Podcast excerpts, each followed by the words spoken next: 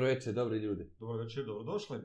Još jedna beseda u nizu, a mi smo presetni što smo počeli sad da okupljamo. Oprostite nam prije svega, evo, možda da krenemo sa, sa, sa tim.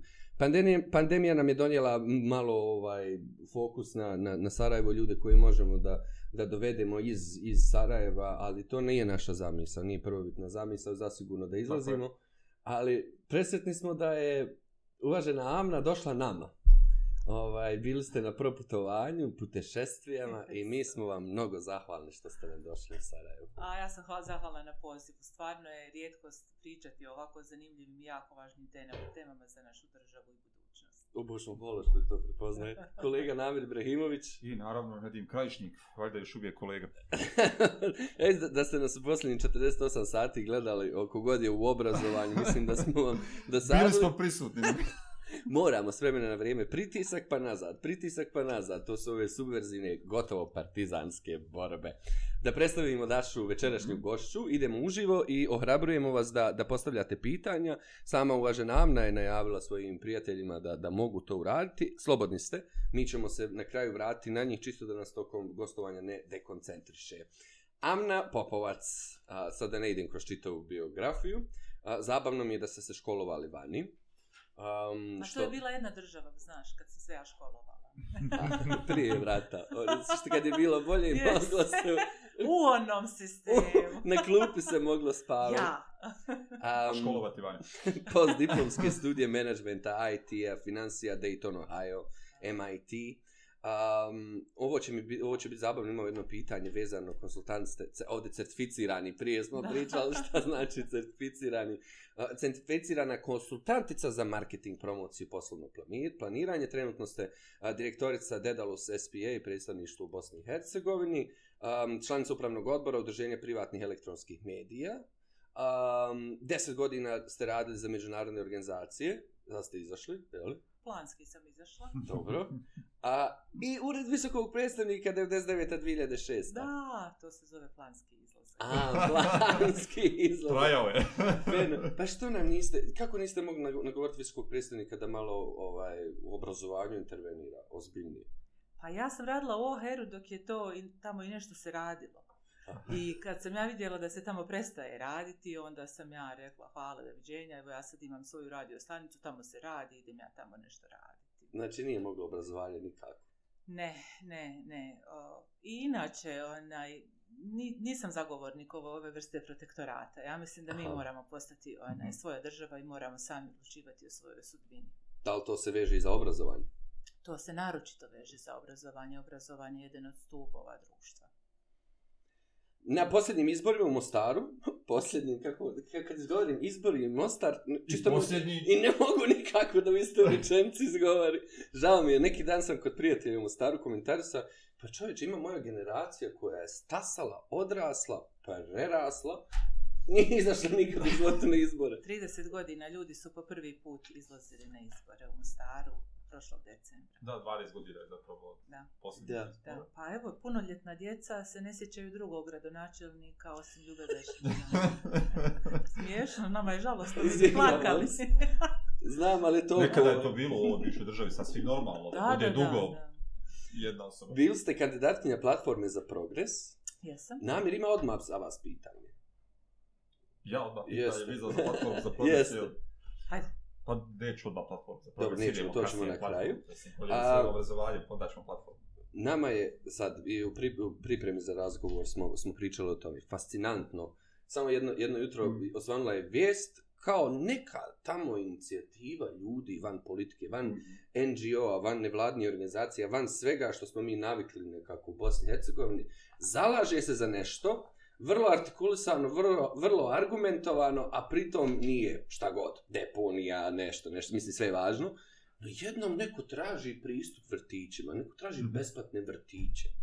To bi trebalo biti normalno. Prije svega da vam, da, da, da ono, duboki naklon, a Ajde odmah da krenemo od, od toga. Dakle, to je bila građanska inicijativa. A, možete, Inici, ajde, to je inicijativa vi... građana, građanki Mostara uh mhm. -huh. i predsjednica tog udruženja je Ifeta Škoro. I mi odavno postojimo kao grupa i radimo tako razne aktivnosti, ali ništa ne radimo na silu. Znači, mi radimo kada prepoznamo neki problem, onda mi idemo onaj, u rješavanje tog problema. I cijela ideja je bila ono, hajde šta ćemo uraditi, nešto prigodno to za 8. mart. Onda sam ja rekla, ja mislim da je za 8. mart najprigodnije da omogućimo ženama da mogu ot, iza otići na posao ili tražiti posao i raditi nešto drugo, a da znaju da su im djeca sigurna i da su ono negdje, negdje zbrinuta. A, ja sam a, bila ranije u dva mandata predsjednica upravnog odbora vrtića Ciciban u Mostaru i vidjela sam iznutra kako oni funkcionišu. I vidjela sam da grad Mostar plaća samo 50% troškova vrtića, a da ostalo moraju direktori i tete namaknuti od roditelja. Mhm. Pa kod nas u Mostaru roditelji plaćaju i 200 maraka po djetetu, a donose i WC papir i tako to, jer grad Mostar ne pokriva sve troškove. Ono. Čak i to je dovoljno. Ne, ni to, znači, osim 200 maraka po djetetu, znači ako imaš dvoje djece, 400 maraka, i ti još nosiš uh, WC papir, sapun, pelene, šta, i svašta nešto onaj mm -hmm. bride i to je nenormalno skupo. Uh, i, uh, a dodatno, ja smatram i sve moje kolegice su se složile da je jednostavno obrazovanje i naročito to preškolsko to vrijeme kada stavljaš neki temelj za život budućem čovjeku. I onda je, kako ćeš ti očekivati od one djece kad dođu u prvi osnovne, pa ti dođu ovi iz vrtića, koji kao i znaju nešto, jer vrtić je obrazovna ustanova, to nije igraonica. Oni tamo uče, uče kako se peru ruke, kako se sjedi za stolom, kaže se hvala, kako se igra, kako se dijele stvari, socijaliziraju se. I potpuno drugačiji a, a, a, poredak u glavi i način razmišljanja imaju ta djeca koja dođu iz vrtića i ona djeca koje čuvaju nene, bake i djede, djedovi i tako to. Uh, I onda naravno kad dođu u prvi osnovne, da ta djeca koja nisu naučila da sjede mirno i to ne mogu pratiti nastavu i onda se pojavljuju razne... Uh, I šta uradi obrazovni sistem? Kome uh, se prilagodi? obrazovni sistem se prilagodi ovim uh, gorim, nažalost. Tako je, tako je. to su istraživanja potvrdila, jeste, zaista. Jeste. Tako je tu za svog kantoru je urađeno, dakle da doslovno se svede na ravan prosjeka. Jest, grozno. I zato mi imamo loše rezultate na pizi i tako. I, ali to je i posljedica, e, posljedica toga je da naše cijelo društvo se strozava. Mm. Mi ubijamo svoju budućnost zato što djecu ne, do, do, do šeste godine ne uspostavimo ali, i, kako negdje, treba. Ono, čini mi se kulturološko e, podozrenje prema obrazovnim ustanovama. Ono u smislu da dijete čak i ne želimo poslati u vrtić i ovo kad koriste recimo argument e, zagovornik osmogodišnjeg obrazovanja da se to vrati, uh, uzeli smo djeci jednu godinu igre. Ne, ono, smo djecu dali u nešto što je institucija Zavre. koja, koja pa je. Dakle, ili tu postoji neki razlog zašto... Um, ili je financijski... Ili, ja mislim ili da je siromaštvo. Ipak. Siromaštvo je najveći, najveći problem. Jer znaš šta onda? Onda imaš i privatne vrtiće i privatne škole. Koje su skuplje mnogo. Jeste. I onda ti bogati budu obrazovani i u budućnosti dobiju i bolje, bolje poslove i bolje mhm. plate, mm. a ovi siromašni postanu siro, ostanu siromašni i još mm. siromašni i imaš tu spiralu. Mi da bi prekinuli spiralu siromaštva društva, mi moramo djeci dati podjednaku šansu. Mm a mm. moguće je. I to, ste, I to ste vrlo jasno, dakle, prva stvar, kaže, tražimo, ajde, besplatno vraćamo se na to, želimo graditi društvo jednakih šansi. Tako, Kakve to veze ima tako. sa predškolskim? Pa to je to, znači, ne može dijete u prvi osnovne završiti kako treba ako ono nije mm pre, prošlo kroz predškolsko obrazovanje je naučilo kako treba sjediti, da 45 minuta nauči sjediti, da mu se isprave da govorne mane. Da, da, da. Da, da mu se isprave govorne mane. Mi sa više djece imamo koja trebaju logopeda, zato što ne pričaju sa roditeljima, bleje u ekrane, a roditeljima je lakše dati ekran i onaj... Mirno. Mir, jest, jest. A onda, dodatno, imaš problem i zašto smo mi uopšte to za 8. mart pokrenuli imaš problem da um, 50% našeg društva su žene. 60% žena u nas ne radi. Ne radi zato što neko treba da ostane sa djecom mhm. kući. Mm -hmm. Ti kad daš mogućnost ženi da besplatno ostavi dijete u vrtić gdje će dobiti doručak, ručak, spavanje i biti obrazovano, onda će ta žena imati priliku da traži Tako. posao ili da se prekvalifikuje pa da neki drugi posao. To je nama bila simbolika tog 8. marta. Znači, nije samo ženi kupio i cvijeć odvedje na večeru, nek napravi frizuru. Ono. Nije to 8. marta. Jednom godišnje. Jednom godišnje, jeste. Možda i za novu godinu, drugi put godišnje. Znači, daj ženi šansu da ostavi dijete i da traži posao. Ovo što je Namir govorio, pa gotovo da sad čuvam se kad god izgovaramo kulturološki, jer sva šta je da, kulturološki, absolutno. ali sva šta nije kulturološki. Um, kao da, da, da, da aj sam, ne, ne, ne žene, osobe koje, koje ne, ne rade, a imaju djecu vrtičkog uzrasta doma, uh, kao da, ok, i treba dijete da ti je kod kuće. Sjajno mi je ta distinkcija koju ste napravili između vrijednosti vrtića. Um, Jeste, ali, ali se mora i sa ljudima raditi. Mhm. Ali naravno, i ta žena koja ne radi, pa i ona treba nekad, sada karikiram, kod frizera, kod kozmetičara, možda otići na neki, ne znam, na neku kafu sa prijateljicama. Na skup politički, na... Pa bi, na primjer, Kod vas u inicijativu jest, građanki. Jeste, jeste. A teško ih je motivirati da dođu, znaš, onda su im izgovor djeca. Aha, to moram da naučim, tek da, sam dobio da, dijete, to da, e, može da, koristiti. Da, da. jako ti to može koristiti, ja nemam vremena, nemam dijete, onda odeš, radiš šta hoćeš. Jel to vrijedi i od kuće da odem Sve. jer imam dijete? ne, ne, od, onda ideš na seminare da e, se da, naspavaš. Da, da, da, bravo. Ona, ovaj, tako da, uh, mislim, uh, znam da, da jeste dijelom kulturološki, ali to se to se sa mm. sa par nekih susreta sa ljudima ja mislim da se to riješi. Dva, oro, vi koristite vrlo jak argument uh, vidjeli ste koliko je zapravo trebalo da se dodatno finansira vrtić u doba pandemije i to su 200.000 dakle, maraka za, za budžet 60 miliona, da. šta je? dakle, to je, nije skupo. Dakle, I šta je uopšte nas ponukalo ove godine da to uradimo? Znači, grad godinama govori nema para, nema para, samo polače on, ono, i to. I onda dođe pandemija, onda djeca ne idu u vrtić, djeca onda, mhm. onda nema tih uplata od roditelja, onda grad plati sve. Znači, sine, ako si mogao 20. 20. pokreti sve troškove, zašto ne možeš 21. I mi smo baš zato prije donošenja budžeta grada Mostara za 21. to podnijeli kao inicijativu, jer naime sad je kod nas med i mlijeko, imamo novo uh, gradsko vijeće i oni tako ono pričaju i žele da rade za dobrobit uh mhm. -huh. one, građana. Prilika ide. Oni samo pričaju, oni ništa ne rade. Oni još ništa nisu uradili za građane. Dakle, iako se desili izbori, kao da se nisu desili. Nama je, mi imamo četiri izgubljene godine u Mostaru. Ja se samo nadam da će moji sugrađani aktivirati se, mm. pa mhm. da im nećemo dozvoliti baš četiri godine da hladuju. Ali ima aktivnosti u Mostaru zadnjih godina ovo, građanskih inicijativa ima, i ima. govora. Ima, probudili su se građani. Mm -hmm. Ja mislim da je to i dio razloga zašto, su, zašto smo imali izbore, jer su se oni malo mhm. prepali mm -hmm. da će ove građanske inicijative ojačati ukoliko se nastavi ovako. Pa Jednostavnije ih institucije. Da, pa da ti presijeku prije. Yes. I kaže, um, ajde, najljepši od ovog dole pitanja. Djecu Mostara, ovo mi je prelijepo, Šta su, ko su za vas djeca Mostara? Djeca Mostara su i ona koje žive na Aveniji, u Donjoj Mahali, u Brankovci, u Podveleži, u Jesenci, u svim gradskim i prigradskim naseljima. Znači, svim od općinama. table do table Mostara. To je, to je meni važno.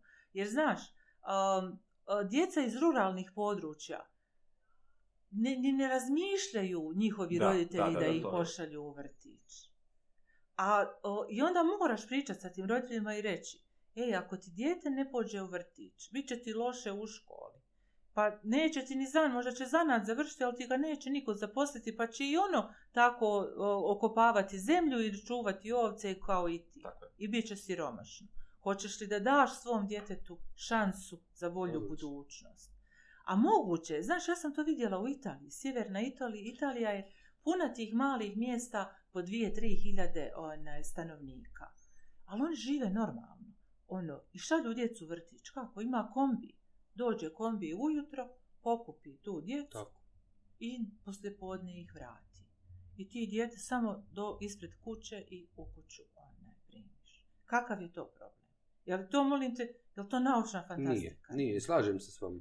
Vrlo jednostavno. Na Mostar koji je mal grad, mal, A mi smo kao država mali, a ne Mostar. Da. Se smiješ. Kako je, kako je stanje sa, sa objektima vrtiđa? Je li potrebno više u slučaju Mi da bi... ne znamo, ne zato što obuhvat djece nije, znači kod nas niko ni ne zna koji procena djece u stvari ide u te vrtiće. Hm. Znaš, pretpostavlja se 30%, možda 50%, ali se ne zna. Zato što imaš privatne vrtiće, I oni, o, i tu ne znamo koliko... Ali prikazuju koliko... brojevni, tko to kontroliraš čemu se Da, radili. ti ne kontroliraš ih i mm. ti ne znaš koliko djece zaista ide u vrtić. Tek igraonice. A, da. Da. Ali o, igraonice nisu odgojene ustanove. Igraonice su ono gdje ti platiš 50 mara kada na miru popiješ kafu u shopping yes, molu, u Mepasu. Da pa tu samo odbaciš. Ali neke i... igraonice koriste u zakonsku u smislu da, da budeš vrtić, naravno da postoje standard za vrtić koji ima prostor kao koncept. Da, znači, onda prave igraonice sa cijelodnevnim Boravkom. boravkom djece, a u biti nemaju nikakve standarde. Tako Niti da... imaju kadar zapravo koji nužno. Pa to, pa to, znaš, zato, zato ja stalno govorim, nije ti vrtić igraonica, ne šalješ ti djete u vrtić da ono se igra, yes. nego da se nauči.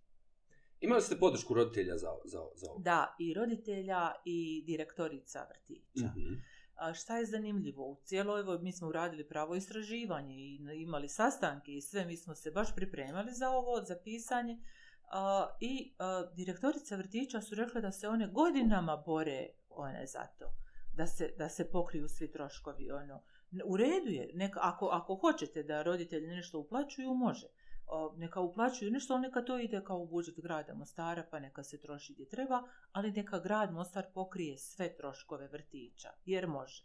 Ako može u jednom Zagrebu da budu jeftini, znači ako može u Zagrebu da se 140 kuna plaća vrtić, zašto je onda u Mostaru onaj uh, 200, 200 maraka ono, gdje po djete Zašto da troši na djecu kad mogu da čuvaju članovi porodice, drugi i ostalo? Ili usmjerti pare u kolektor, to vam je da, bol, da, bolna da, ne, tačka. Ne, Neću vas, ne, ne nije, nije kolektor, mi sada izvozimo u Češku taj svoj onaj mulj otrovni A. i Česi ga spaljuju, znaš to je već... Da, kako, to je bacanje kako, para, ono... Ja se divim, pa ne može niko da kaže da, ne, da taj sistem nije sposoban ni pametan, dobro, pa kako mi kako to padne? Kako smo mi trpeći, kako smo mi trpeći, a to je sve u stvari posljedica neobrazovanog društva. Hmm. Naši ljudi ne znaju ni budžet Mostara pročitati, znaš ne znaju se snaći u tim, on, a ja mislim da ga oni planski naprave tako komplicirano, da, ne znate, snaći, da ti je. nemaš pojma ono, šta oni stvari finansiraju, šta ne.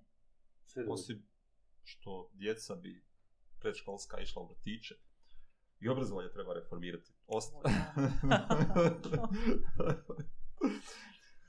je li ovaj, to moguće vratiti. Evo, dakle, predškolsku djecu možemo vratiti, čini mi se, imamo i novca, vjerujem da možemo institucije i tako dalje. Je li možemo promijeniti ostatak obrazovnog sistema koji bi doveo od odgovornog građanina, građanina koji zna osvijestiti mjesto u kojem živi, koji zna definirati šta mu treba u kom životu, koji zna gdje to treba da traži i koji zna šta su sve prava i obaveze koje je vidiš to me služi taj PISA test i zato smo mi tako loši u tom PISA testu. PISA test u stvari provjerava razumijevanje pročitanog, razumijevanje o funkcionisanja okay. života i svijeta.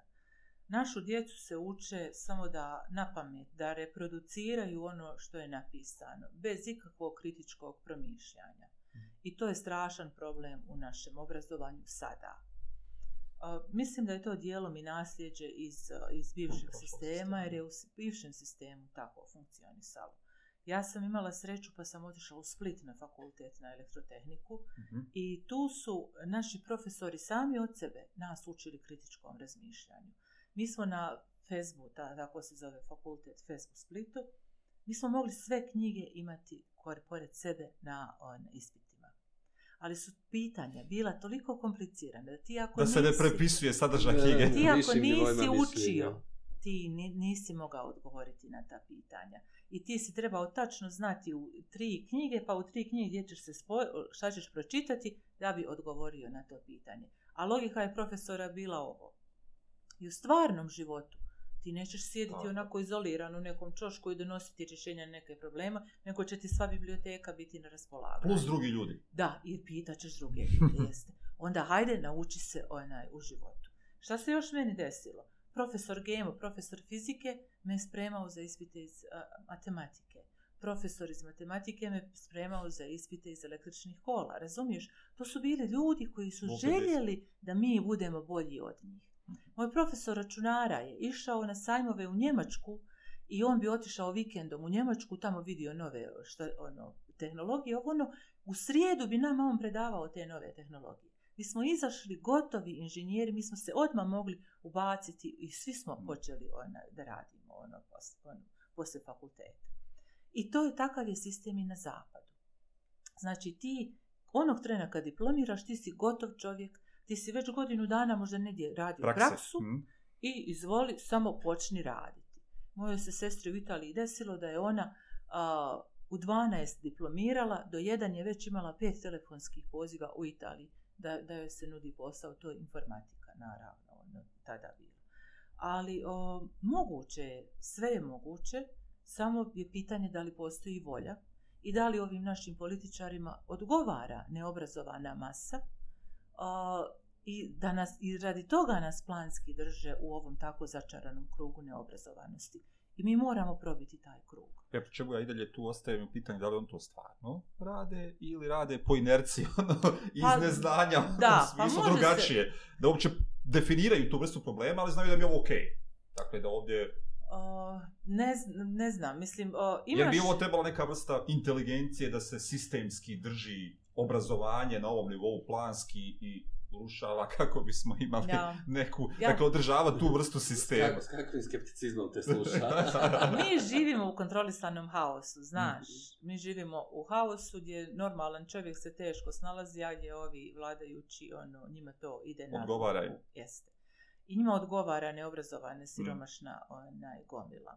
Uh, ali mislim da je moguće preskočiti to i mm -hmm. mislim u stvari za početak bi trebalo uvesti uh, to nešto se zove dualna nastava. U stvari mhm. da, da djeca u srednjoj školi... Srednje stručne škole. Jest, stručne škole ili fakulteti mhm. šalju. Mm -hmm. Zašto naši pravnici moraju posle fakulteta godinu dana kod nekog advokata raditi džaba ili to da bi polagao stručni ispit? Mislim.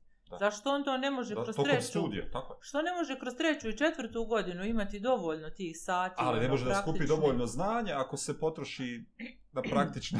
ja. Pošto naime kad rješava neki slučaj, onda nema ni jedan papir, taj tu ni jedan zakon sve ne može nauče, da provjeri. Sve da Mora sve na pamet da ima. I ništa novo se ne događa, to što je naučio. Rimsko pravo, tako, od tako. Rima se ništa nije promijenilo kod nas. Da, tako da ono, komplicirano, ali nije nemoguće. Da, da. Znaš, ali treba početi. Hmm. Treba početi. Hmm. Došli smo do doba pandemije i ovo obrazovanje, kako ste već opisali u, u, u e. stanju, je dakle, opet se promijenilo u nekom yes. smislu, makar ovom izvođenju. Uh, osim što zagovarate da se djeca vrate u vrtiće, zagovarate i da djeca idu u školu, bez obzira na neki segment ovakvih epidemioloških uvjeta. Škole, koji... škole nisu uh, izvori da, zaraze. Da, zašto? Evo, to je, to je... Ko, škole nisu sigurno izvori zaraze. Mm -hmm dakle, i ja sam išla u školu i kad smo imali epidemije žutice i epidemije, ne znam, raznih dječjih mm -hmm. bolesti i ti jednostavno u školu dezinficiraš onaj, ruke, ne znam, cipele, ovo, ono. Djeca, a, djeca slušaju, naročito u toj ranoj dobi, mm -hmm. znači možda treći, četvrti, srednje i ne sluša, ali ovi mlađi slušaju, bez obzira ono, iz kakvih familija dolaze, oni su poslušni i o, oni drže razmak i, onaj, i mislim, mislim da ne smijemo dozvoliti da se djeca a, zatvore u, u sobe. A, e, čovjek je društveno biće i čovjek sebe ostvaruje samo u interakciji sa drugima. Dakle, ne smijemo mi napraviti tu trajnu štetu našoj djeci da ostanu u, u čošku sobe i gledaju prijatelje ono, kro, o, na ekran. Jednostavno, to se ne smije. I ne može se ni naučiti ništa. ono Jednostavno, moraju ona, ići u školu i roditelji to žele. Profesori žele, ali se boje sistema posljedica ono, i tako to. Boje se svog zdravlja? A, pa vidi, ja imam u porodici i, i čak imam i prijatelji u Hrvatskoj koji mhm. su onaj, u srednjim školama profesori. Uh, Pa njima nije problem e, kroz maske onaj, raditi, oni samo žele da budu u kontaktu sa svojim džacima. Jako je iscrpljujuće držati predavanje onaj, a, na ekran. Pogotovo tako u kontinuitetu. A jako je veliko pitanje šta ta djeca nauče gledajući to nešto. I da li su prisutni? Da. Većinom nisu.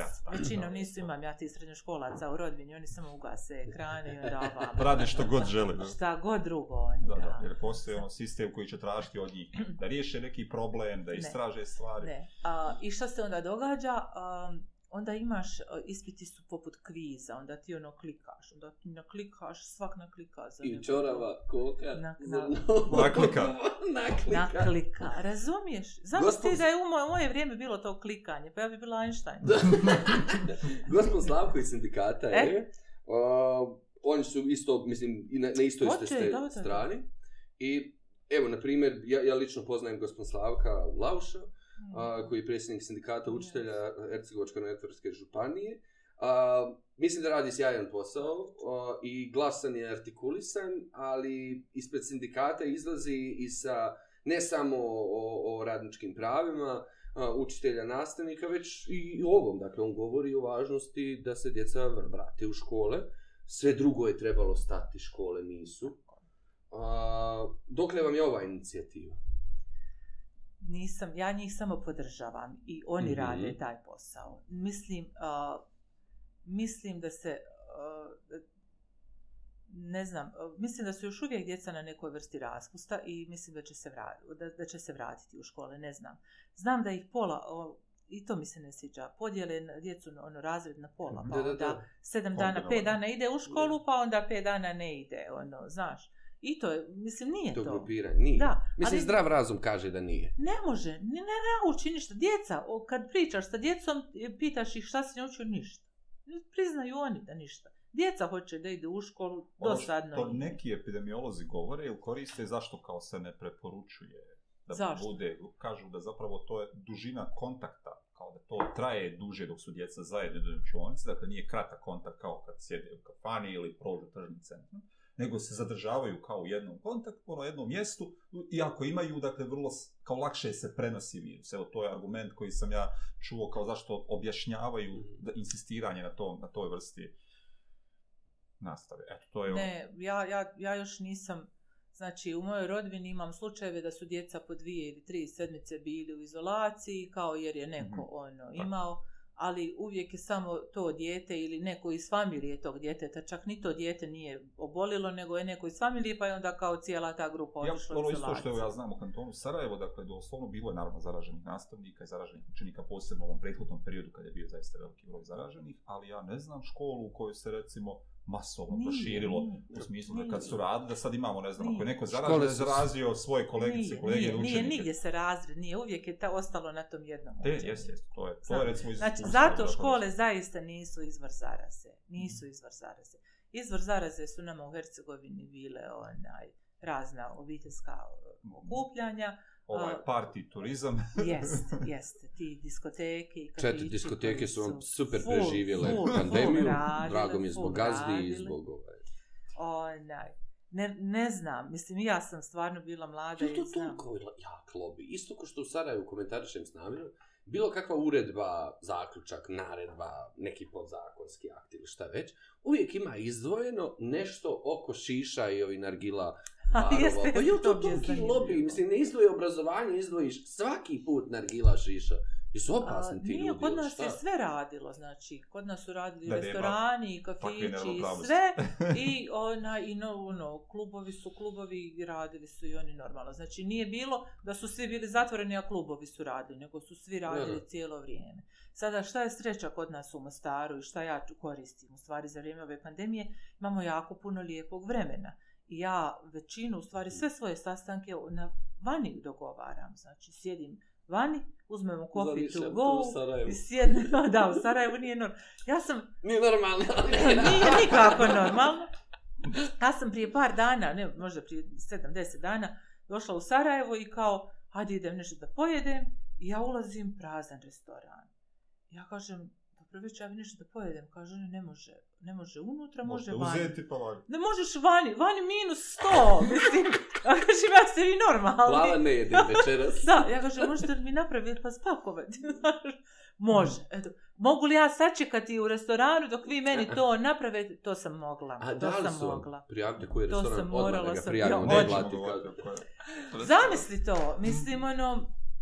Uh, Gotovo kulturološki šok. Jo, jeste, jo. Samo iz Hercegovine. Da, a u Banja Luci opet sve radi. Kažem ja ono, njima danas i juče u Banja Luci. Kažem ja, u, ovo je super, sve radi. Ona, nose ljudi maske, stvarno, i vani nose mhm. maske. On, kaže, oni, pa samo nam je ono 15 dana bilo, ono, krize, bilo sve zatvoreno, a sad je, ona, sve, ok. Sve normalno. Uh, ne znam, ja mislim da mi moramo naučiti sa živjeti sa ovom pandemijom i sa virusima i ovo jeste jedna, možda prva u našim životima, ali ja se strašno bojim da nije zadnja. Mhm. Onaj. Mhm. Jer mislim da smo mi toliko naš, nanjeli štete planeti Zemlji da se ona nekako bori protiv nas i da mi jednostavno moramo se prilagoditi. Nastavit ćemo razgovarati. Nastavit ćemo razgovarati. Idemo sada na prvi blok, ali prije nego što Imer pusti prvi blok, pričat ćemo vam mam na ovome. A, imamo profesore četvrtkom koji su lično iz svojih džepova, ovaj, ta emisija ide sutra na našim kanalima, mm -hmm. to su gimnazijski profesori, divni profesorce. Pričaju koji, o svemu i svačem, svemu i svačem iako ih niko ništa nije pitao. ali pričaju nastavničkim standardima svaki put o, po jednom a, standardu i pošto postoji ta neka nevidljiva bitka između besede i profesora, evo mi im ustupamo večeras prostor da ih reklamiramo, najavimo sutra. Tako je, obavezno gledajte, sutra su, yes. sutra odlično izdanje, možda najbolja epizoda do sada. Da, pričaju o sindikatima, to vam je svima e, ovaj, top, top tema, tako da idemo na prvi blok, a onda se vraćamo da razgovaramo sa, sa Avnom o politici, ali na jednom drugom nivou.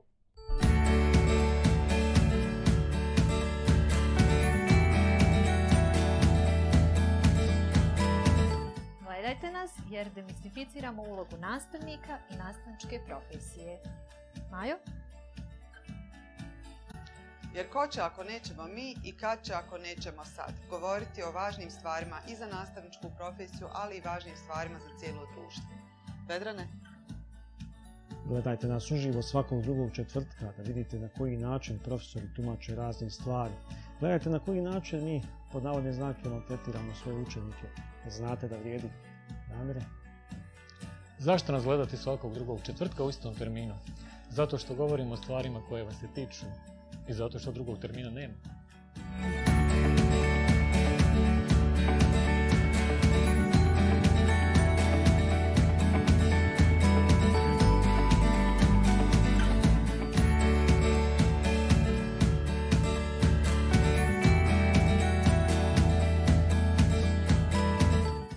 Ubiše, brate, ovdje. Od botanika. Jel ja sad... ne znam šta da kažem. Pa kliknite subscribe, pomozite ste. Gledajte nas više nego bez. Nemoš to. Nemoš to.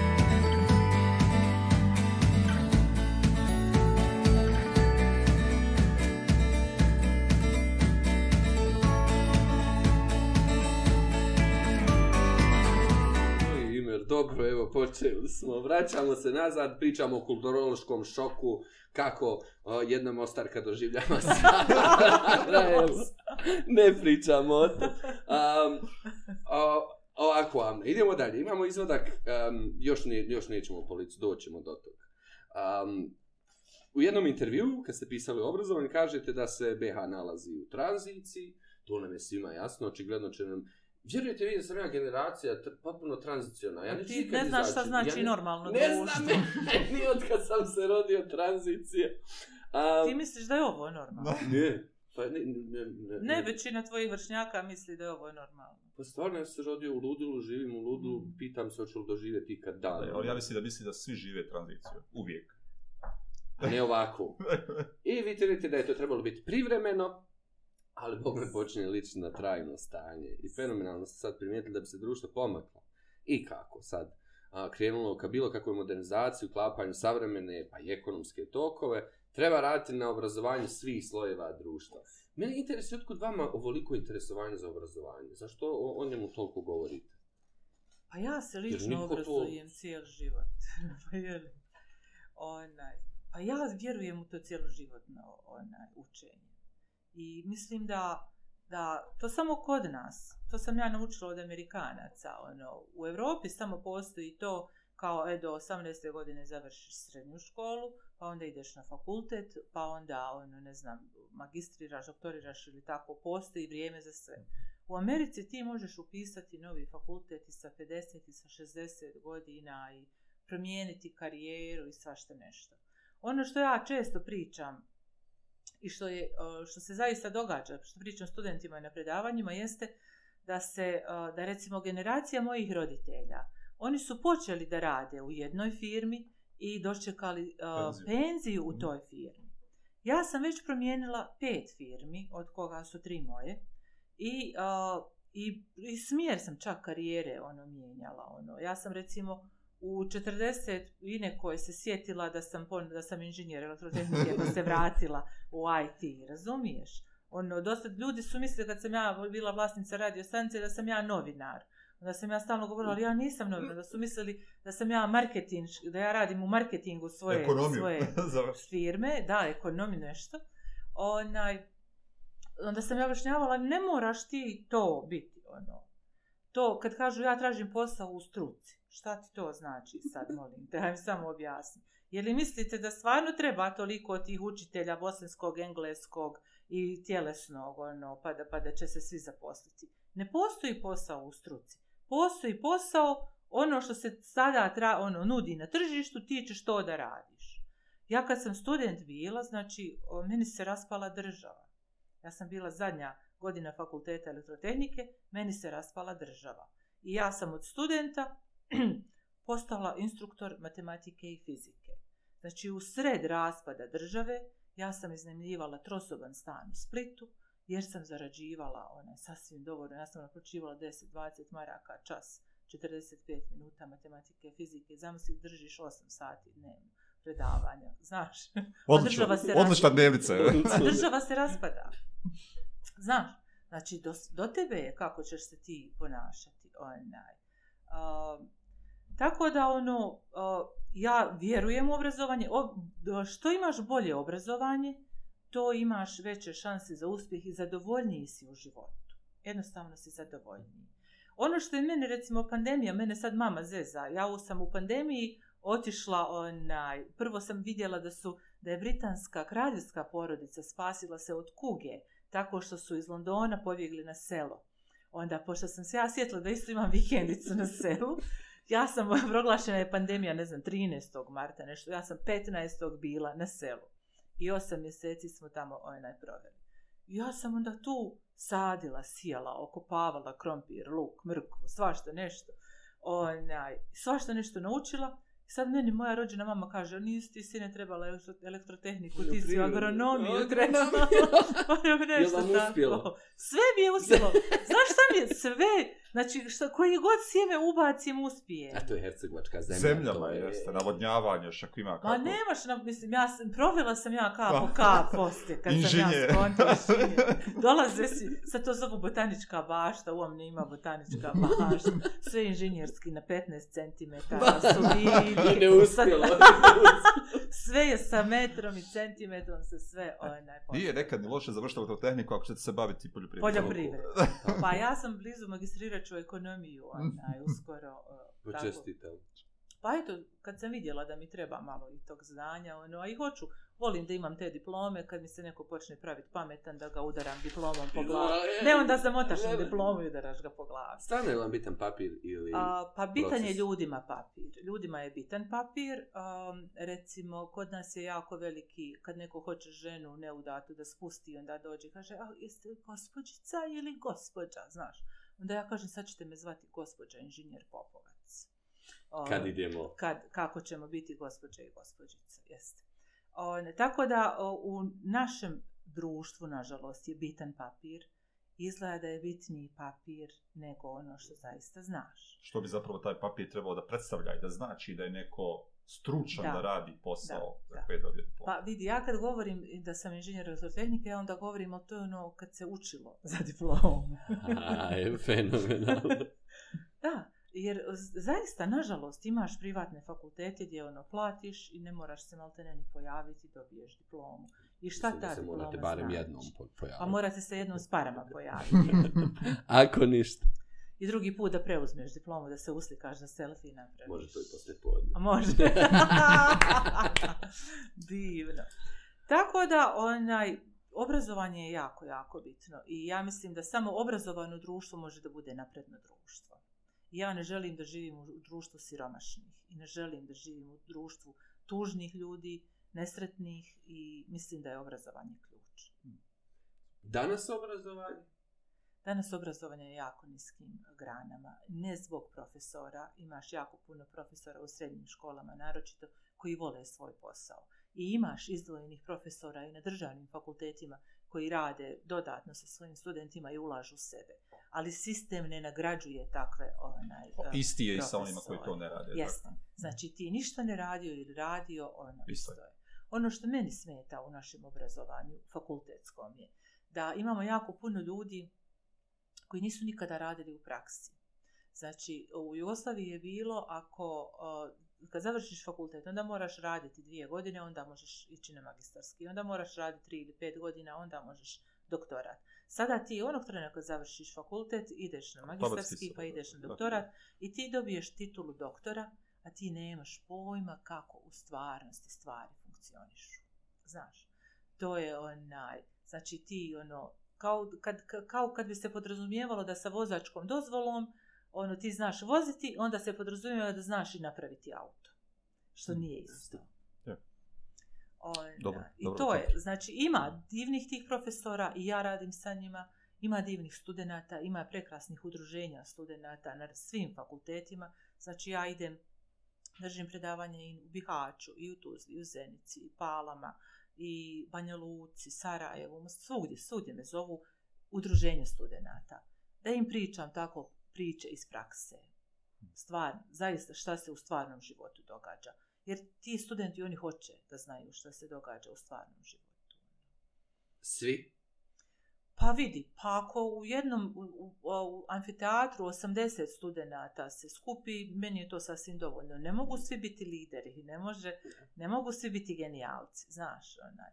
Ali je meni sasvim dovoljno da su oni odvoje svoj dan, prijave se i budu aktivni na, na tim predavanjima. Ono, men, meni je to sasvim dovoljno. Zamislio 80 studenta po generaciji, po svim mm. tim fakultetima, koliko je to dobrih obrazovanih ljudi. Jer vidi, ja kad sam pošla na fakultet, nas je 400 po, pošlo, 4% je a, završilo mhm. fakultet. Mm-hmm. To je tako, tako bilo na elektrotehnici. A, ne, može, ne može svako. Zašto su vam startup događaj i startup kao koncept zabavni? Pa tu mladi ljudi svašta nešto nauče. Znači, nije dovoljno imati ideju. Ti je moraš znati provesti u dijelu. Ali ti moraš i znati prodati tu svoju ideju. Moraš je znati prezentirati. Našu, naše studente niko ne uči tim prezentacijskim vještinama. Oni uče na tim startupima to. I ono što im ja govorim, jako je važno da dok su studenti, dok ne ovise... Uh, finansijski o prihodima te svoje firme, da se bacaju, da probaju. A, metodom pokušaja i pogreške ti ćeš jednom učiniti ono, naučit ćeš kako ne treba, pa ćeš znati kako treba. Što nije osobina obrazovog sistema. Jeste, ali znaš, moraš se bacati. Ja im mm. stalno kažem, bacajte se, stalno probajte, probajte, dok ti ne ovisiš, dok, dok imaš krov nad glavom i dok ti roditelji ono, plaćaju troškove, ti probaj ono, probaj, pa ćeš shvatiti, ono, šta je tvoja strast.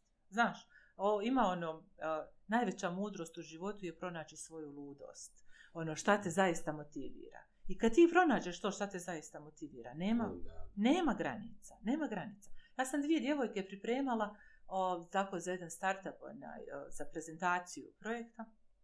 Sad sam ju, nažalost, zaboravila ime, one su pobjedile. One su, onaj, E, informatičarke i sada, ali su napravili aplikaciju, ne znam, za, um, e, e, za srčani udar. Znači imaš aplikacije, ne znam, mhm. za možda diabetičare, imaš aplikaciju kada je bilo šta, ali nemaš kada neko ima možda srčani ili moždani udar, ne kako, kako idu mhm. faze oporavka, kome se obratiti, to ne, mhm. neke pitanja i, i odgovore. I ova jedna je smislila to, radila sa doktorima, ova druga je sila to isprogramirala, to i sada treba prezentirati, trebaju prodati svoju ideju. A ja stvarno svim studentima kada držim predavanja kažem, slobodno me kontaktirajte na Facebook, na, na bilo šta, kako god, ja ću vam pomoći da se vi pripremite. Na Facebooku nećete naći moje slike onaj, u kostimima, ni kućiće, ni mačiće, ono, eventualno neke biljke i tako, nešto korisno. I one se tako javi, eto, vi ste rekli da se mi možemo javiti, pa možem, naravno da se možete, ajde. I one počele pričati o kako tehnološki, to je znaš, napred, kako ovako jednim klikom, znaš i to. Ja kažem, ali to nije priča. Šta je tebe mm. motiviralo da ti to uradiš? I šta se, šta se desilo? Otac od jedne od tih djevojaka mm. je imao... Ja sam gledao tu priču. Ja mislim da yes, sam gledao yes. tu priču. Ja, ja sam ih pripremila da mm. oni to ispričaju. Ja kažem, ti si čovjek i ti pričaš drugim ljudima. I oni samo ako prepoznaju tu tvoju priču, mm. oni će ona, te podržati. A to, svak može I sjesti s programirati. I tako će kliknuti, da. a ne klikom. Da, da. Svak može sjesti s programirati. Je li to plava pozadina, ljubičasta, žuta? To je smiješno u odnosu na priču. Mm. Ti moraš znati pričati priču. I, ona, i, znaš, I onda su one to jednom ispričale. Sam je rekla, aj sad imate sat vremena, pa malo vježbajte, pa za sat vremena mi ponovo. Pa se to tajmiralo, jer znaš ti startupi mm. imaju određeno vrijeme. I tako tri puta smo probali, one su povijedile i regionalno takmičenje i sve. Hmm. Svašta su nešto napravili. Imao sam jedno pitanje ovdje. Ajde. I to smo s Radom često pričali kogod uh, e, ima veze sa marketingom, a onda će namir u ovom političkom dijelu. Uh, sa što ne vidiš Uber je ekonomista. ne, ne, ne, mogu nikako. Svidio, da... Ja mislim... No, nešto te... Šta radi kape? Ne znam, ne znam, stvarno ne znam zašto je to. ja mislim da smo mi toliko loši u tom da ovaj, propadamo sigurno, pa neka malo prigovorimo. Ovo, ovaj, ako ne uspijemo monetizovati ovu besedu, propast ćemo potpuno, ali sigurno ćemo propast. Kaže namjer, pa da, sigurno ćemo propast.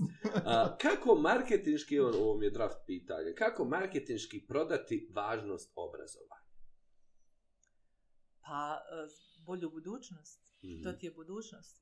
Ili ćeš biti bijeli rob u Evropi i radit ćeš za mizerne plate, onaj, za njevačke firme i ne znam koje, jer mi ćemo jednog dana ipak ući u Evropu. I naša djeca koju sada obrazujemo će biti na evropskom tržištu. I oni ništa neće moći dobiti obični bijeli robovi one, na, tom, na tom evropskom tržištu ako im Obično. sada ne damo onaj, to obrazovanje dobro. Znači, naša djeca moraju sada dobijati to mm. njemačko obrazovanje da kad budu imali 18 godina mogu parirati 18-godišnjim njemcima. To je nešto što mi moramo raditi.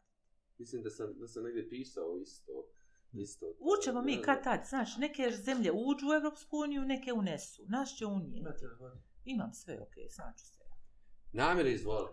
Pa te ću na politiku i na aktivizam. Može, da, znam. Uh, gdje se nauči aktivizam? Je li, da li bi bilo normalno da obrazovni sistem potiče aktivizam kod ljudi? Pa, to bi bilo normalno, ali šta je u nas normalno? Osim što sunce izlazi i zalazi. Ja. Upitno je i to. Onaj. O, o aktivizmu se kod nas nije moglo niti učiti. Mhm. A, mi smo iz jednog totalitarnog mhm. režima, mi smo iz jednog jednopartijskog režima ušli u tri jednopartijska režima. Pod plaštom demokratije jeste. Mi živimo pseudo demokratiju, mm -hmm. nije ovo demokratija, ovo je lažni neki izmišljeni sistem. Glasamo na izborima. I to nam je sve što imamo. Ili ne glasamo na izborima. I 50% nas ne glasa i onda 20% izabere onaj, je li tako, ove što vlade. Da, da, dovoljno je da dobiju potpuno vlast. Da. Onaj, Pa ne uči se, mislim da se to nosi nekako iz familije i šta ja znam. Da, da to je, mislim, zanimljivo je, veliki je broj ljudi koji jesu prošli obrazovni sistem, kao i vi, dakle, ovom prethodnoj državi koji je bio takav, ali i dalje je najveći broj tih ljudi je bio i glasan kontra svih ovih demokratija o kojima vi pričate u ovom periodu. Dakle, negdje se ipak naučilo, negdje se ipak vidjelo. A, pa mi smo imali i te lige papira i, i pošumljavali smo mm. svake godine ono, brda oko Mostara, iako su mm -hmm. i mhm. dan danas ne pošumljena. Uzalost ste pošao. da. O, imali smo te, ne znam, klubove radioamatera i tako. A, o, Jugoslavija je ipak taj nekako ulagala u obrazovanje i ono je najviše u stvari, ja mislim, pretrpilo ovim raspadom ovih ovih Ali su poticali i od već od 60-ih, čini mi se godine, čak i ranije, odlazak a, fakultetskih profesora vani na, na usavršavanje. Dakle, nije to bilo nešto što je... Pa sad to ti ja kažem, znači ja sam 92. 93. je moj profesor išao iz mhm. Splita u Njemačku da, da. i učio tamo da bi ono vikendom da bi nama u srijedu to predavao. Ali to je profesor koji je radio u stvarnom svijetu i znao mhm. je šta znači to. Ti sad imaš profesore koji nemaju pojma, on ti priča teoretski šta to znači kako se otvara firma. A mnogo, nije nikad u životu otvorio firmu, nije nikad su, ispunio. Mnogo su pristupačnije baze podataka, mm. izvori iz kojih može da uči. Čak ne mora ni ići u Njemačku više, doslovno može. Ali on mora da uči, da, da, a neće da, tako, da uči. Tako je, tako. Znači, dobro, naši profesori kad dobiju titulu, zvanje, mm. prestanu mm. da uče. Većina. Ima ovih mladih, ima mm. jako. Baš dolaze nove generacije onaj, mm. tih, tih profesora, mm Samo što je to proces, to je sporo i naravno onaj, Zašto, nam djeca. Zašto je aktivizam važan u demokratskom društvu? Važan je za razvoj društva generalno. Znači, mm. ne može ti država riješiti sve probleme. Mm. Moraš i ti shvatiti da ti moraš se mm. uključiti u rješavanje problema. Mm. On, recimo, ja sam u razne te neke grupe uključena i uh, Čak sam jako ponosna na moje dvorište koje se zove Eksperiment u Mostaru. Mi smo imali tako neko neugledno dvorište, blatnjavo, znaš, onaj, bez ikakvih staza, znači imao si ovako sve zemlju i usred te zemlje ono o, asfaltirani kvadrat koje je igralište, mm -hmm. koje je asfaltirano prvi i zadnji put 1974. kad je napravljeno to, mhm. to kompleks zgrada i ovako je sve bilo grbovo gdje su se djeca igrala, a ti kad pada kiša, hodaš po blatu, mm. jer nema okolo da. staza. Da, jedan moj onaj, susjed primijetio da grad Mostar ima 150.000 maraka za naše dvorište u budžetu i da tri godine samo prebacuje, a ne troši u naše onaj, dvorište. Onda smo mi podnijeli zatjev gradu Mostaru, oni su počeli da rade, onda su nam pokazali, nacrtali su nam ono, kako je to ovako kvadrat, pa unutra igralište, onda su oni nacrtali su nekako kvadratne one staze da smo mi protestovali išli na sastanak i rekli, da znate, i na zapadu se prave parkovi tako što opravostaviš zelenu da. površinu i ljudi utabaju staze. Dakle, mi tu živimo 30 godina, volan, daj nam samo kuda smo utabali, mi smo dijagonalno utabali, nemoj mi sada kvadrate, deće, opet ćemo mi hoda dijagonalno. Poslušali su nas hmm. i stavili su te dijagonalno, stavili klackalice i tako. Znači, moguće, ali treba biti uporan i treba vjerovati u sebe. Sad, no. pa, sada, e, on je živ pak sad? on nije, sad se on zove park eksperiment. Sad svi iz susjednih ovih mm. zgrada okolišnjih dolaze i on, mi pravimo roštiljadu tu dva put godišnje, družimo se. Sad svi znamo jedne druge. On, mm. Ja znam ko mi može popraviti auto, kome što treba donijeti kup. To nam je pomoglo u ovoj pandemiji. Mi smo se upoznali. Taj naš kvart je oživio kroz, mm, kroz to, to, taj rad. Nije to bila ogromna grupa ljudi. Počelo nas je sa 15, završilo na neki desetak. I sad, tih možda 5-6 muških, mi smo kupili onda i kosilice, skupili između sebe pare. I održavali, Održavaju. niste prepustili gradu da to rade. Ali vidi, absurda, mi plaćamo svi održavanje toga i održavamo. I onda smo se jednom naljutili i rekli gradu, ovo održavanje košta 2500 maraka mjesečno, platite nam.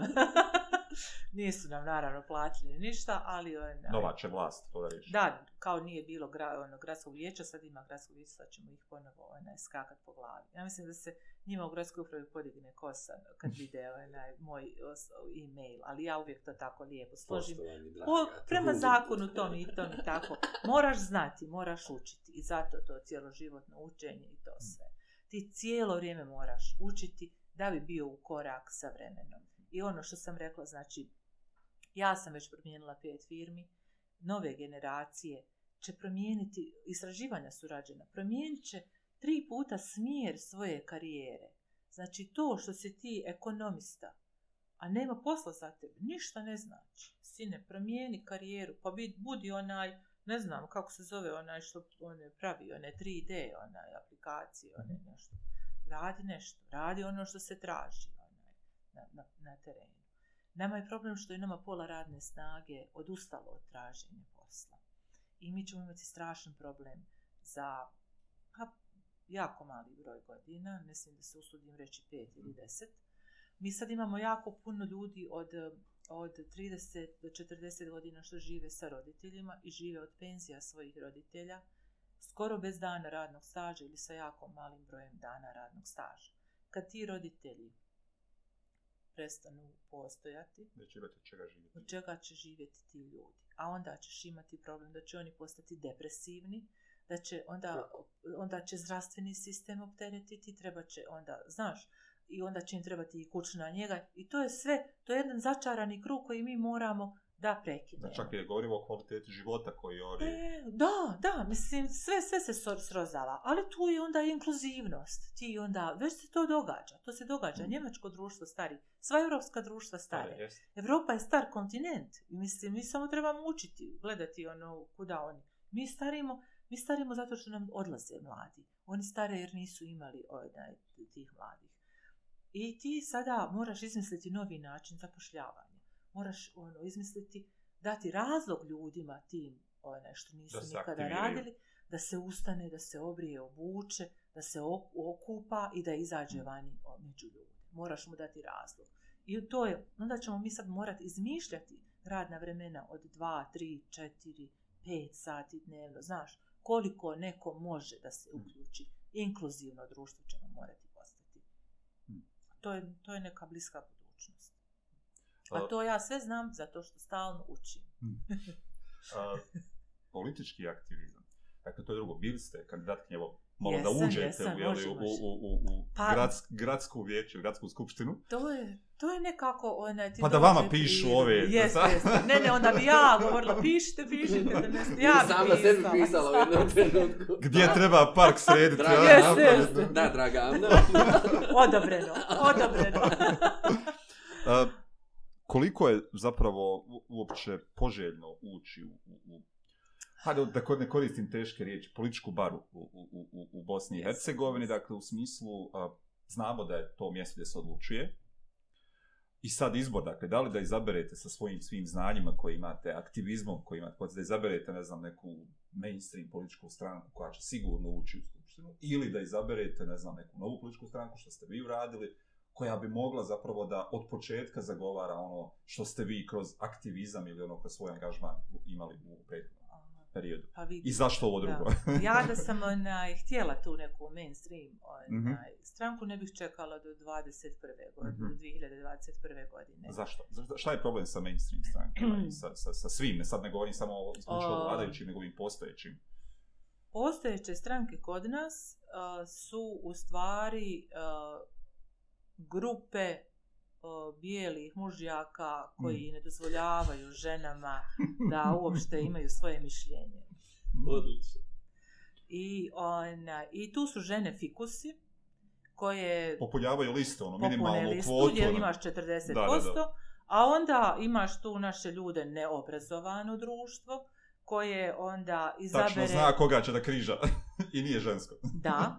I izabere onaj 12% žena otprilike u nas uđe u neke onaj razne nivoje vlasti ne u, na ministarske pozicije, nego tako te parlamente gdje će ona dizati ruke i gdje će dizati ruke onako kako kaže taj šef liste stranke mm. i tako to. Ja se tu ne uklapam, mislim, mm. ja sam tu jedno lajavo žensko onaj, koje, se, koje ima svoje mišljenje. I, onaj, Niste ni pokušali? Nisam, nisam zaista. Mm. Ona, ja, ja često zezam ljude, ona, ja kažem, mi može, ja, ja mogu pregovarati do besvijesti.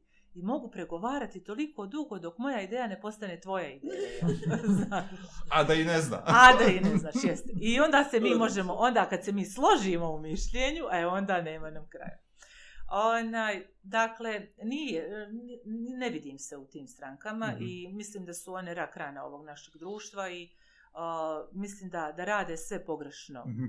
uh, rade gledaju daj meni daj mi sada i idu po dvije godine gledaju. Mm -hmm. To je daj dugoročni dvije godine. Od izbora do izbora mm -hmm. jeste. Tako se ne vodi država i mi živimo te posljedice njihovog lošeg upravljanja ovom državom, neupravljanja u mhm. stvari. Mm -hmm. Gdje ti samo radiš ono što ti šef tvoje stranke onaj, kaže da treba da radiš. Ne gledaš opće dobro. I onda posle tih godina u aktivizmu i rada sa ljudima i eto to oko tog smeća, Mostar je zatrpan smećem, a mi se foramo da smo neka turistička prijestolnica i to. A, a, onda sam rekao, hajde idem pokušati. I zaista, o, ono, ja sam prvo bila u našoj stranci, pa se tu mhm. nisam baš našla. To je jedna Sarajevo centrična priča koja mhm. se meni ne sviđa. Platforma mi je pružila nešto što nisam vidjela u drugih. Pružila je uvažavanje, mhm. ideja, različitosti. To ima i svojih pluseva i minuseva. Teško se e, donose odluke jer ti stalno moraš pričati, pričati, pričati, pregovarati dok konsensusom se nešto ne, a ne dogovori, ali kad se dogovori to bude dobra, dobra stvar. I onaj, u platformi se stvarno našla super, super ekipu u Mostaru mhm. i ljude i sve. I radili smo zajedno kao tim. Nismo uspjeli. Nismo uspjeli zato što se uh, Zato što naši ljudi više vjeruju internet botovima one, mm. nego, nego... I strahovima koji se je, kreiraju. Strah, jest. Ali u nas se tako, u nas se vlada strahom. I uh, strah je uh, uh, naučen. I uh, nikako da se odučimo straha. Znaš, uh, jedino su dva straha od... Uh, strah od, od smrti i strah od bolesti. Onaj. A sva drugi, svi drugi su naučeni. I mi smo naučili ja, ovaj strah. Mm. Jeste mi smo naučili ovaj strah i nikako da se odučimo, da se oslobodimo tog straha. Ali nema veze. Nada je svjetlo uvijek jače od dame. Nastavljam, nema tu. Onaj, ja sam odlučila ovdje ostati, mene mm. neće niko odavde otjerati. Ovo je jedna prekrasna država, mm. jedna zemlja u stvari. Ja volim ovu zemlju, a mm. prezirem državu. državu I to je, I to ono. državu kakva je napravljena. Da, to ovo, ovo nije funkcionalna država. Dakle, prekrasnih ljudi ovdje ima. Tako. Ja mi jako lijepo možemo ovdje živjeti, mi čak možemo i taj self-sustainability, znači mi možemo postići tu samoodrživost. Da, sa brojem starovika i resursima da, koji da, postoje. Da, da, i sa svom tom zemljom, sa prirodnim ljepotama i sve. Ja kažem, čak kad bi mi samo našu zemlju proglasili parkom prirode, mislim, pa cijela Evropa bi dolazila ovdje samo da se nadiše, ono, ovih... Ono, ima sjajnih mjesta. Pa prekrasnih, prekrasnih. Sve. One, pa pazi, most, kroz Mostar je godišnje milion turista prolazilo one, do pandemije. Vratit će se oni nama brzo, jer u čovjekove prirodi je znati želja da putuje ona i da gleda. Oni će doći, samo treba to dočekati i preživjeti. Tako da, nije lako ući u političku arenu, ovo sam htjela reći. Uh mhm. -huh. Nije lako izaći ni, ni kao aktivista. Znaš, sva što su o meni pričali. Ja sam i Četnik, i Ustaša, mhm. i Mujahedin. Sve sam, sve sam, sve sam, sve sam. Da, samo nisam bila lezbijka, mm. ono, i sve sam drugo bila. Evo, dali ste im ideju. Ti moraš, jeste. Mislim da, da sam, prošla sam te faze. A, znači, prvo ti prijete, pa te pokušaju ubiti, pa te onda poštuju. Ja sam u ovoj trećoj fazi gdje me se poštuje. A, nisam agresivna, znači, poput nekih ono da krešnim, pa me ne mogu ni to. Tačno znam mm -hmm. prava, znam šta oni moraju, je da ih jako nerviram kad im čitam, kad im. kažem jeste, šta, šta, da je to njihova dužnost da urade. Um, nije lako izaći na svjetlo. Ja primam razne prijetnje mm -hmm. i mhm. na Facebooku i to. Uh, mi smo čak napravili neke grupe ono, potpore na jedna drugoj žene. Ima ta neka grupa liderke za razvoj i tu sam naučila da u stvari samo trete nasilnike treba raskrinkavati. Mm -hmm. Znači ja od kako sam zadnju dvojicu raskrinkala prošle godine, nije mi se više niko javio. A kako ih raskrinkaš? Oni ti napišu poruku, ono, privatno na Facebooku, neće ti nikad, onaj, ili te tako malo popljuju na tim, onaj, na komentarima, ti počneš suvislo mu odgovarati, on se ne može suvislo, onaj, nositi. nositi sa tobom, i onda ti odeš na njegov Facebook profil, pa onda uzmeš screenshot, pa onda mu uzmeš prijatelj i kažeš ovo je prijatelj toga i toga, on evo ima dvoje djece, ima i kčerku, a evo šta govori ženama, je li vam to taj sin, unuk, muž, brat i tako to, je li to? To je zanimljiv aktivizam. Nemojte objavljivati naše razgovore, moje i vaše. Pa nisi me popljuje. Kad me popljuješ, ove u superlativima ne objavljujem. ne, ne, ne, rada je odvojila hordu. uh, feminista, uključujući i mene, tako da. A mlađi muškarci su puno, puno, puno onaj, bolji, uh, ja tu imam veliku nadu ono, u tome, znaš. Uh, mlađi muškarci, i te, kad pričamo i o startupima, došlo im je umozak da moraju imati žene u timu. Ja, ali i meni se to strašno sviđa, znaš, uh, Njemačka je uvela zakon Koliko mi još imamo vremena? Ušli smo evo u četvrti sat ovog gostova. Znate šta je super sa, sa, o, sa ovom privilegijom? Nema vremena. Pa ne, pa ko će nas slušati i gledati? Mi ćemo dosadni ljudima. Dobro. I mi da idemo na gledanost, vjerovatno ne bi mi radili. Tako da. Onaj, kad, kad su te startupi, onaj, kad se prave, ti tačno vidiš kako žene traže još nekog, neke muškarce da ne budu 100% ženski timovi, a muškarci traže žene. Naučili su. I ono što ja stalno njima govorim, muška i ženska energija se nadopunjuju. Uh, u, u biznisu muškarci uh, u, muškarci samo što čuju da ono, ono ovo ja ovako pričam uh, na primjer na, na primjeru bazena muškarac samo što čuje da počne da se puni bazen vodom on skače na glavu tu. Jer on misli i nada se da će dok on tako je u letu, to bar do pola nekako biti puno i on će onda, i onda naravno udari i razvije glavu i onda dođe ženi da mu šije i da mu vida rani. Žena s druge strane, sad će kada se napuni bazen, pa onda Među ovako... zašije glavu. stavi prst u vodu, pa ako nije dovoljno topla, onda se još malo ugrije ta voda i onda ona ulazi oprezno stepenicama u vodu. Najbolja situacija je kada je bazen do pola pun, da se muškarac i žena uhvate za ruk i skoče zajedno u taj bazen. Mm -hmm. I to je ta muška i ženska energija. Žene su ziheraši, muškarci su, uh, muškarci su navikli rizikovati. Uh, i, i, I to mi je drago da ove nove generacije to shvataju. Ono, tačno, tačno ja vidim ono, uh, dođe mi ovako jedna grupa muškaraca i kaže, ali znate, nama ovde ne, ne valja, svi smo mi muš, muški, ono, treba nam bar jedna žena da nas to ono, na ured uvede. Mhm. Onda jedna žena dovede drugu, znaš, i tako to ide. Njemačka je uvela zakon da u upravnim odborima preduzeća mora da bude 50% žena. To tako se donose najbolje odluke. Ono, znaš, žena kaže, pa ne znam, muškarac, ma hajde, pa... Tch i onda se onaj donese donese dobra odluka ono. Stvarno ja sam vrlo ponosan na Step. Step je uvijek dominantno imao ovaj žene na rukovodećim pozicijama. A više žena u upravnom odboru, to je tako i danas. A to kad je obrazovanje što u pitanju. Nije. Ja, predsjednik upravnog odbora. A, nije i evo, zahvaljujem se.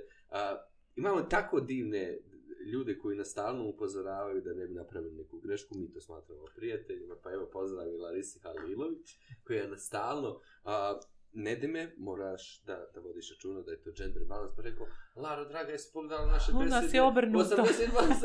ne, samo sam vidjela u posljednje vrijeme da je išlo red muškog, muškog, muškog, mora se to desi, tako da, lijepo je to. A, mi smo vam jako zahvalni. Hvala puno. Ja. Naučili smo vi puno jesu, večeras. Jesu. Pa ja sam vam svašta pričala što mi je palo na pamet. Drago mi je biti u društvu neko ko je tako hrabar bez, bez obzira na spol, to je potpuno nebitno. A neko ko nervira, neko ko nudi drugačije modele i za nas, za nas mlade ljude, sad će me neko, ne di me odavno nisi mlad. Jedino A, si ti mlad ovdje, ne računajući imera.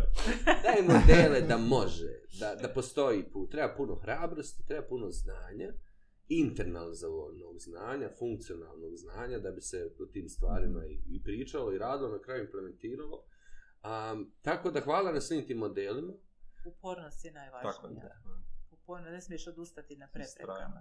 Jedni, jedina razlika između uspješnog i neuspješnog čovjeka je što uspješni svaki put kad padne i ustane se. Hmm. Samo je to razlika, nema druga. Pozdravite nam Mostar, nadam se da nećete imati kulturoloških šokova više ovdje u Sarajevu. Pa eto, brzo će nam trešnje preživjeti. Eto, namjera i mene u vašu baštu. U redu.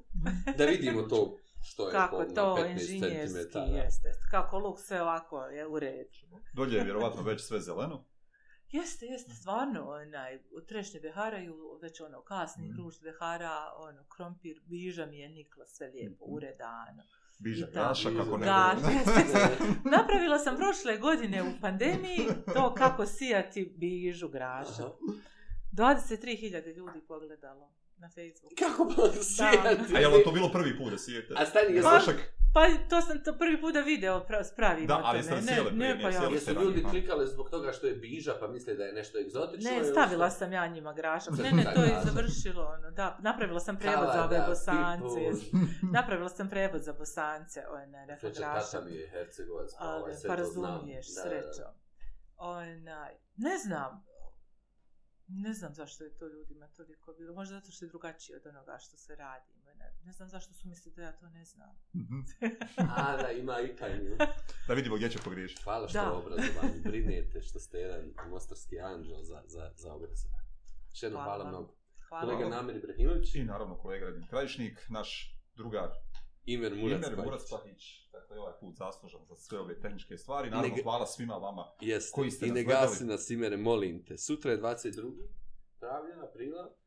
Dan planete Zemlje. Mm -hmm. Sutra step by step u jutarnjim satima, podnevnim satima donosi jedan na vani, dakle idemo javno sa jednim novim strateškim pravcem, pravcem, mhm. pravcem, pravcem, pravcem.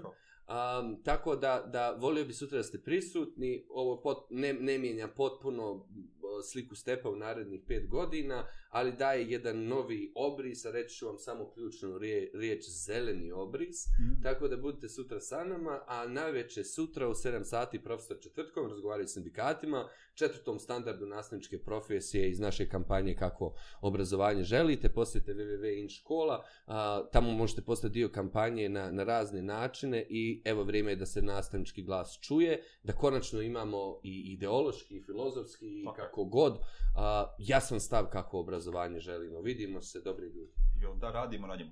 Doviđenja.